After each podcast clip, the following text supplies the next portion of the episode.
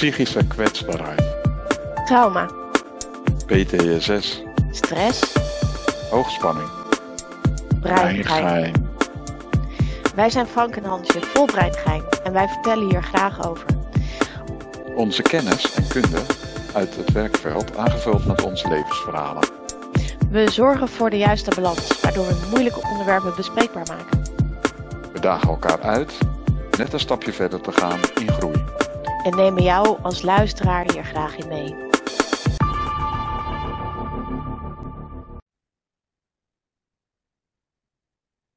Yay, we mogen weer vandaag. En ik heb er heel veel zin in. Jij ook? Ja, zeker. Ja, ik heb er heel veel zin in.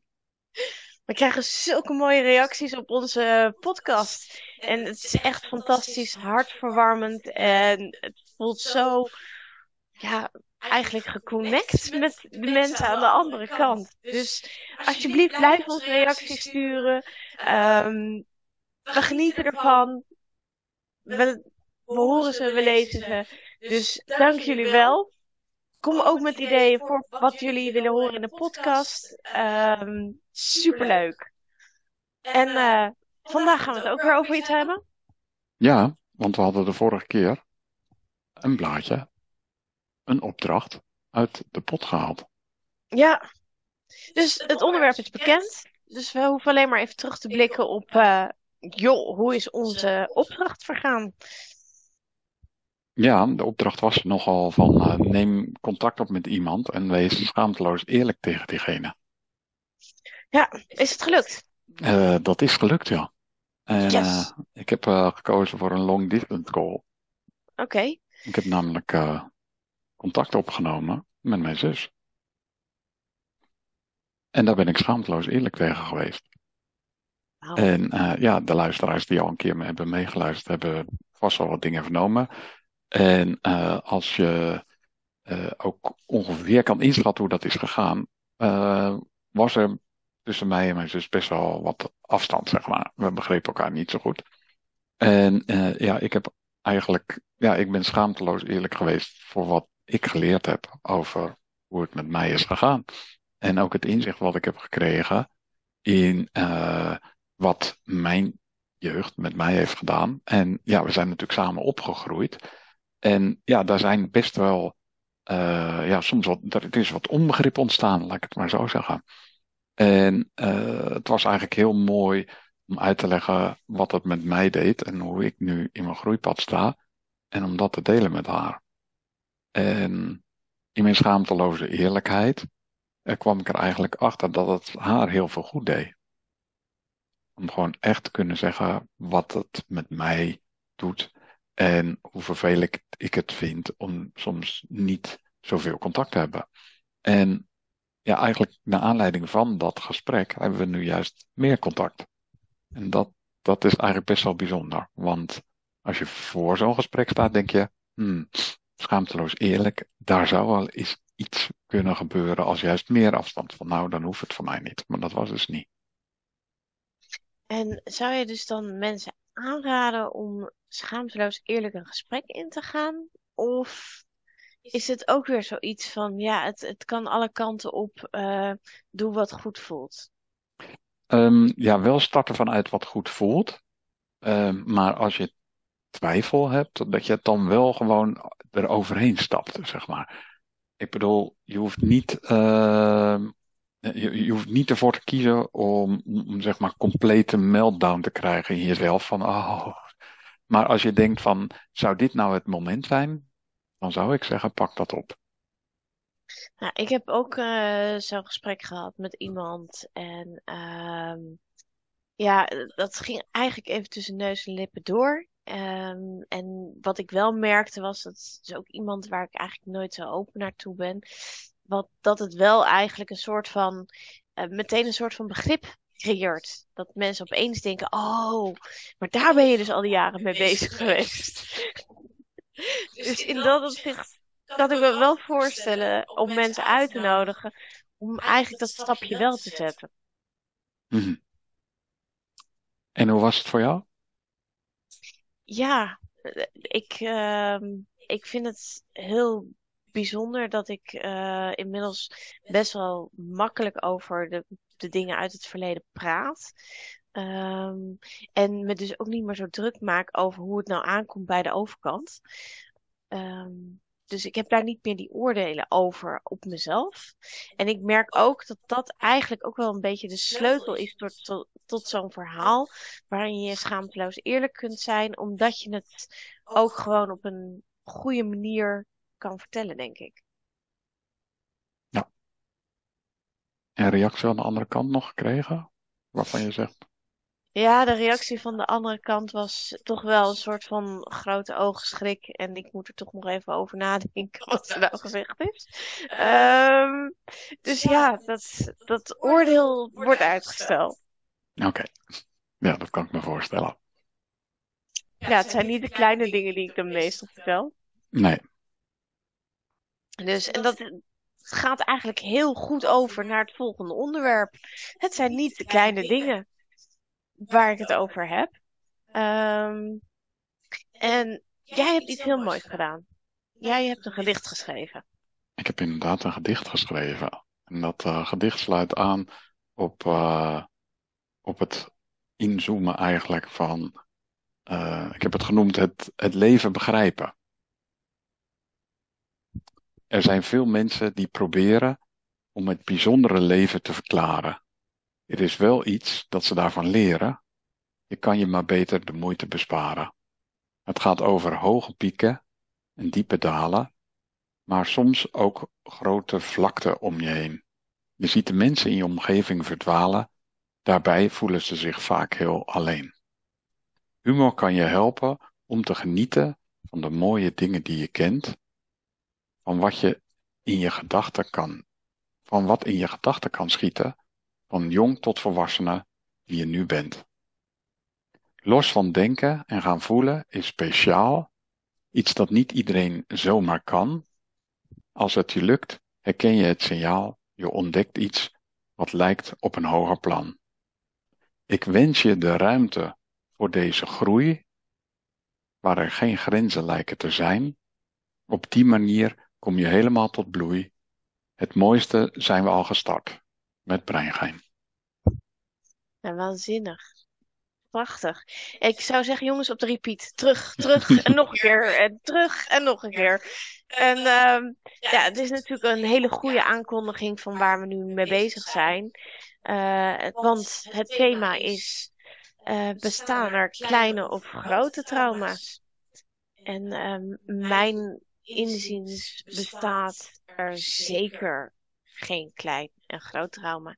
Er bestaat alleen een bepaalde heftigheid waarop je nog steeds reageert op dat wat er heeft plaatsgevonden. En dat maakt helemaal niet uit. Voor een buitenstaander kan dat iets zijn dat heel heftig is. Of helemaal niet zo heftig is. Maar als jij in je leven daar last van hebt, dan is het heftig. Dus dat is mijn mening. Wat is jouw mening? Ja, um, uh, het is op de, op, de, op de schaal eigenlijk altijd moeilijk af te meten. Want uh, ja, je kan natuurlijk bedenken dat iets niet zo heftig is of het zo bestempelen. Uh, maar als je daar elke keer weer aan herinnerd wordt, of als je het moeilijk vindt, of als je later weer een soortgelijke omstandigheid tegenkomt en het blokkeert je, dan blijkt het misschien meer met je gedaan te hebben dan dat je oorspronkelijk dacht. En ja, wat mij ook altijd opvalt, is dat de omgeving het bagatelliseert. Want je vindt het zelf al een beetje raar, maar de omgeving zegt ook, nou ja, dat valt toch wel mee, dat had je toch wel. En vergeet het maar en je komt er wel overheen. Terwijl je eigenlijk een hele dag uh, met zo'n gevoel rond kan lopen dat je denkt, ja, toch klopt het niet. En toch klopt het niet. En toch wil ik het zo niet. En dat, uh, ja, dan blijft het een soort, ja, in de, in de, in, in, op een soort repeatstand hangen, ja, eigenlijk dat. Ja, dus wij hadden bedacht, hoe kunnen we nou het beste uitleggen dat um, een klein trauma net zo impactvol kan zijn gedurende je hele leven. En uh, een groot trauma ook nog altijd impactvol kan zijn in je leven. dus jij mocht het kleine trauma en ik uh, zou het grote trauma doen. dus ja. wie begint? Ja, ik had, uh, ik had zitten graven in mijn gedachten. En uh, dat, dat kwam eigenlijk toen ik nou ja, zeg maar een jaar of negen, misschien tien jaar oud was of zo, um, dat ik uh, met de Vierdaagse meedeed. En ik wist nog dat mijn moeder, die was ergens op die, uh, in een, in, tijdens die dagen was zij van de EHBO. En zij zat ergens op de wisselposten tijdens, tijdens die rondwandeling. En ik weet nog hoe blij ze was dat ik haar zag. Maar ik liep in een groepje mee. Dus ik had zoiets van, ja, ik wil hier blijven, ik wil nog even hoor je zeggen, ze had zelfs wat drinken geregeld, het maakte niet uit voor hoeveel. Maar wat er allemaal gebeurde, die gasten wilden door, we moeten door, want we moeten de eindstreep halen. Ze hadden zelfs een soort wedstrijd voor zichzelf aan verbonden. En ik herinner me nog dat ik mijn moeder daar gewoon achterliet. Het was eigenlijk heel raar dat ik dacht van ja, ik zwaaide nog een soort van, maar ik voelde me heel erg, ja, uh, een soort twee, eh, twee gedeeld, zeg maar. Ik kon naar die gasten niet zeggen, ja, maar ik wil nog even bij mijn moeder blijven. En ik kon tegen, tegen mijn moeder niet zeggen, ja, maar ik moet met die gasten weer mee. Ik was eigenlijk gewoon, en ik was weg. En later heb ik het er nog wel over gehad. En ik zei het net van, ja, de, de, de, de anderen bagatelliseren dan zoiets. Mijn moeder zei, joh, dat viel best mee. Ik had het niet eens zo erg door. Maar ik had dat echt in mijn hoofd laten malen. En um, als je het dan hebt over een, een een trauma. Ja, je, als kind heb je dat stempel er niet opgezet. Maar ik vind het toch eigenlijk lastig op het moment dat ik in situaties ben. Waarbij ik eigenlijk niet de volledige aandacht kan geven aan degene die daar is, waarvan ik vind dat ik aandacht aan moet geven. Maar eigenlijk ook weer door moet. Dat dat van die momenten zijn waar ik ook erg in kan blijven hangen. Waarbij ik me schuldig kan voelen om het een te doen en het ander te laten. En dan toch te voelen dat het allebei eigenlijk niet goed was. Mm en dat gebeurt nog regelmatig in je leven, dat jij um, um, eigenlijk alle kanten tevreden wil houden. Ja, ja en die is best uh, ingewikkeld. Want uh, ja, iedereen kan wel zeggen ja, en dat werkt niet. Maar dan zeg ik ja, maar het gebeurt wel. En uh, dat is echt wel iets waar je, uh, waar je in moet groeien eigenlijk. Dat, dat, dat, dat, dat je die rust toch mag voelen. Of eigenlijk dat je mag toelaten dat je dat gevoel hebt, dat je die ander achterlaat, maar dat je het dan ook kan uitspreken aan die ander, dat het heel vervelend is. Mm Waar dit aan grenst, vanuit zeg maar uh, de boekenwijsheid, is natuurlijk het feit dat um, je eigenlijk gewoon geen gezonde grens hebt geleerd. En dat je dus dan eigenlijk denkt dat je verantwoordelijk bent voor de gevoelens van een ander. Dat je uh, verantwoordelijk bent voor um, het, het, het goed maken aan alle kanten. En dan maar zoveel mogelijk energie geven. En noem maar op. Dus het, het, het grenst natuurlijk wel echt aan jouw. Uh, ja, trauma's van, uh, van je jeugd. Ja. ja. Maar het is in principe een klein voorval dat nu nog steeds eigenlijk ervoor zorgt dat grenzen aangeven bij jou uh, een, een, een, moeilijkheid is. Ja, nee, dat klopt. Ja. Nou ja, we hebben in ieder geval geconstateerd dat een kleine, zeg maar, gebeurtenis een groot effect kan hebben. Um, nou is het niet zo dat ik een groot effect heb met wat een kleine naslijp heeft. Dus ik ga toch ook de diepte in. Um, nou, jij kent het verhaal. Um, ik moet eerlijk zeggen dat ik merk dat ik gewoon weer blokkeert. En het blokkeert dan op mijn keel. En dan zit ik eigenlijk meteen in dat trauma. En dan is het ongelooflijk ingewikkeld om het te vertellen. Mm um, ik heb uh, natuurlijk in de prostitutie gewerkt. Dus ik weet niet of mensen dat allemaal al weten. Maar ik heb een tijd in de prostitutie gewerkt.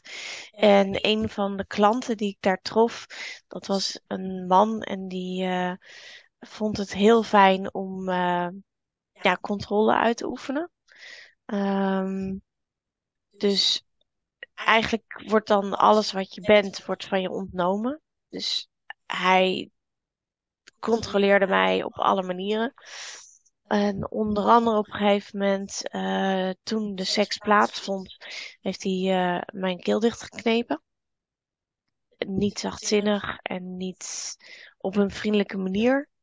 En ik dacht echt, uh, op dat moment, ja, je, je kunt je niet eruit ontworstelen. Je, hij had het allemaal zo goed vast, zeg maar, dat verzet was absoluut onmogelijk. Ehm, ja, dat ik echt op een gegeven moment wel dacht van joh, dit, ik zie het licht niet meer. En dat ik uitging. En ehm, tot, totdat ik klaar kwam en opeens alles losliet. En dat ik zoiets had van... Maar nog iedere keer blokkeert het op mijn keel.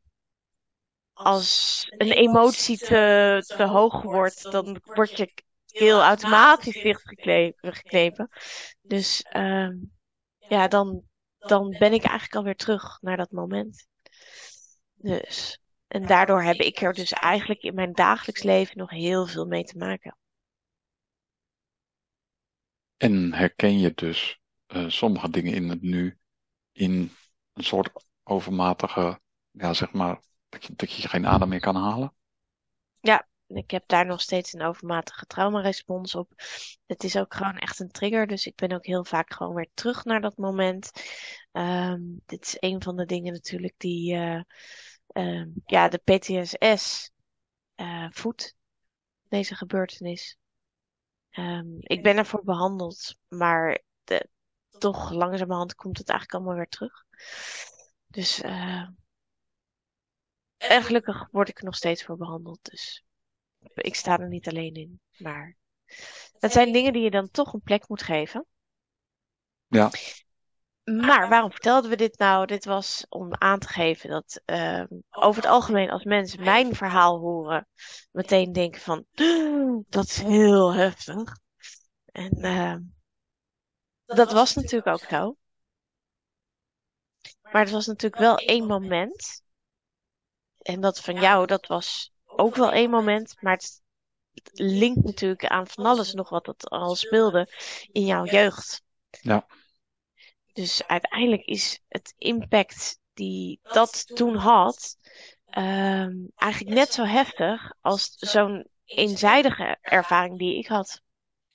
Ja, ja je, je, je merkt dus dat dat, dat zeg maar beide kanten niet soms op waarde geschat worden, omdat mensen het, het schokkende effect of juist het zeg maar verlichtende effect, ze proberen je, nou ja, wij zeggen wel eens, je probeert jezelf veilig te houden, maar mensen proberen jou ook veilig te houden. Die voelen dus dat het, uh, dat het belangrijk is dat je ervoor, dat ze er voor je zijn, terwijl dat in dat moment eigenlijk helemaal niet hoeft. Want het gaat niet over het moment dat jij die herbeleving weer hebt of dat je daar weer middenin zit. Maar het gaat over wat er toen was, zeg maar. Of zeg ik het dan verkeerd? Mm, nee, kun je nog eens uitleggen wat je precies bedoelt? Nou, mensen om je heen op het moment dat je iets heftigs vertelt, gaan voor je zorgen. En oh, dat ja? is soms, ja, nou ja, dat ze, dat ze proberen om jou, zeg maar, uh, oh wat zielig, oh wat erg dat dat je is overkomen. Of heb je dat niet? Nee. Nee? Oké. Okay. Nee, de meeste mensen denken van, oh ja, dat is inderdaad heftig. Okay. Gaan we het hebben over, uh, weet ik veel, welke shampoo je gebruikt. Oh ja. Want uh, mensen kunnen daar eigenlijk helemaal niet mee omgaan. Okay. Dat is mijn ja. ervaring. Mm. Eigenlijk stappen ze dan uit het verhaal om niet die heftigheid te ervaren. Ja. Kijk. En als het mij kan overkomen, en het kan jou overkomen, dan kan het namelijk hun en ook, ook overkomen. overkomen. Ja. Ja, ja. Ja, en wat je ook natuurlijk krijgt met zoiets is, uh, ja, je hebt het uitgelokt. Je was daar op die plek. Ik bedoel, dat heb je allemaal zelf uh, gearrangeerd, weet ik veel. Dus er zit natuurlijk ook altijd wel een stukje, bij sommige mensen, een stukje victim blaming achter. Ja. Wat super schadelijk is. Dus ze proberen eigenlijk zichzelf veilig te houden. Ja. Kijk, dankjewel. Ja. Dus, nou ja, zouden we aan de hand van deze voorbeelden goed hebben kunnen uitleggen dat uh, trauma in je leven eigenlijk gewoon altijd impact heeft als je er last van hebt? En dat Ja. het dus niet uitmaakt of het een kleine situatie was of een mega grote situatie? Ja, dat is het dan eigenlijk. Um, omdat het de, uh, zeg maar in verhouding uh, doet wat het met jou doet. En dat het dus dan niet zozeer gaat over wat het op de, op de globale tijdslijn is of zo. Zou ik dat zo kunnen zeggen? als je het vergelijkt met elkaar, is het eigenlijk onvergelijkbaar. Maar dat kan met de, met de ander net zoveel doen. Ja, ik denk dus dat het advies is ook gewoon altijd te luisteren naar mensen. Als ze een verhaal vertellen, dan resoneert dat verhaal met die persoon op dat moment. En dan denk ik dat alle verhalen het absoluut waard zijn om dat gewoon in het daglicht te zetten. Om daar aandacht aan te besteden, om daarnaar te luisteren, om erbij te blijven. Ehm, en ik denk dat dat heel fijn zou voelen. Ja. Zonder dat we meteen een oordeel hebben over, oh, is dit wel genoeg trauma? Of is dit um, zelf veroorzaakt? Of, uh, nou, noem maar op, al die uh, prachtige dingen die mensen daarover kunnen bedenken. Ja. Ja. Nog iets zinnigs? Um, nou, alsof, alsof wij niet, iets niet zinnigs zouden kunnen vertellen. Maar nee, volgens mij hebben we het zo wel kunnen zeggen, ja. Oké. Okay. Nou, dan uh, gaan we door naar uh, het volgende onderdeel. En dat is, um, waar gaan we het volgende week over hebben? Ja, en dan pakken we de pot erbij. Jee! Nee.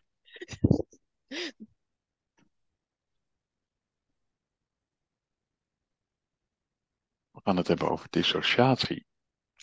Cool. Hebben we daar ervaring mee? Um, ik wist dat niet. En het blijkt zo te zijn. En jij hebt me uitgelegd wat het is. Ja. En toen heb ik geleerd dat jij daar ook mee te maken hebt. Ik heb daar in mijn dagelijks leven constant mee te maken. En ik heb ook inderdaad meerdere keren de vraag gehad van, joh, hoe werkt dat nou precies? Dissociatie. En wat is het? En wat gebeurt er in jezelf? Dus uh, ja, ik uh, kijk er wel naar uit. Ja? Ja. Ja, kan je in ieder geval uh, ook uh, uitleggen van wat het is. En, en, en misschien ook, zoals bij mij, zeg maar die herinnering oproepen van hé, hey, maar wat ik nu bij jou zie, is voor jou heel gewoon. Jij stapt eigenlijk uit het verhaal. En dat heet dissociatie. Jij bent er even niet. Ja, je Ja, gaat nu zie wel ik al heel veel uitleggen. Oh, ik stop. Ja, Cliffhanger, jongens. ja, Cliffhanger. de cliffhanger. Heerlijk. Dat brengt ons uh, tot ons laatste deel hier in de podcast. En dat is uh, de opdracht. Ja,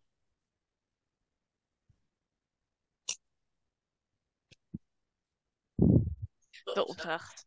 Um, de opdracht die ik hier eigenlijk bij heb is um, ga eens voor jezelf na. Een, een kleine gebeurtenis, schrijf die eens op. En wat zijn dan de punten die je nu nog in het dagelijks leven eigenlijk tegenkomt? en dan bedoel je? Ik bedoel dus, schrijf een gebeurtenis op die in je hoofd opschiet Mhm. En kijk in welke mate die in het nu nog een rol speelt. Oké. Of dingen zich herhalen van wat je eerder hebt meegemaakt. Nou nee, zoals jij je verhaal vertelde van joh, ehm, met je moeder en, en vriendjes en dat het nu, nu nog steeds eigenlijk eh, ontzettend moeilijk is om een keuze te maken waar je bent. Want je wil alle partijen eigenlijk ten dienste zijn. Mhm. Nou, dat zoiets, ik denk dat we het allemaal wel hebben. Een klein iets wat je nog kunt herinneren uit je jeugd, dat nu nog steeds een enorme rol speelt. Um, ik heb uh, bijvoorbeeld meegemaakt dat ik uh, uh, waterschoentjes aankreeg van mijn moeder. Mhm. Maar ik had ook witte sokjes aan. Maar ik dacht, ik krijg waterschoenen. Dus ik kan nu op water lopen. Ja, weet je, ik was vijf. Dus dan, uh, dan mag dit, hè? Mhm. En um, dus ik loop naar dat water toe. En ik ga met dat schoentje erop staan natuurlijk. Ja, iedereen weet nu al wat er toen gebeurd was. Natte sok. Ja. Ja, vond mijn moeder niet een goed idee. Die Nee. was heel boos daarover. Want dat had ik toch kunnen weten. Nou, kennelijk niet. Ik uh, leefde in de wereld van vol fantasie. Um, en op welke manier heb ik daar nu nog last van? Dat is dat ik eigenlijk denk dat ik heel goed na moet denken. Of dat wat ik denk wel goed is en of het geen consequenties heeft. Oh ja. Ja, en welke dat dan zijn? En ja, welke consequenties dat dan zijn, of ik dat kan uitsluiten.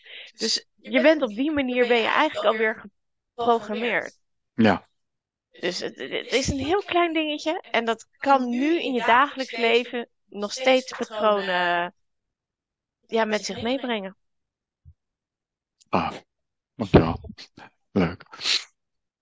Ja, dus tot volgende keer. Ja, en ik had nog even uh, zeggen steeds van uh, je kan uh, naar ons reageren. En ik had ook wat feedback gekregen. als je iets met ons wilt delen, kan dat natuurlijk via allerlei media. Maar je kan het ook gewoon via e-mail doen. En dat is breingeinpodcast.gmail.com. Ja, zeker. En dus hoor het graag. In, in principe ook op onze websites. Daar kun je ook onze telefoonnummers vinden. Ja en andere e-mailadressen. Of je kunt ons gewoon via Facebook of via LinkedIn, LinkedIn aanschrijven. Ja. We zijn eigenlijk overal wel te vinden, hè? Ja, we doen ons best. dus uh, neem contact op. Hartstikke leuk. Vertel je verhaal. En dan zou ik zeggen tot uh, volgende week. Tot volgende week.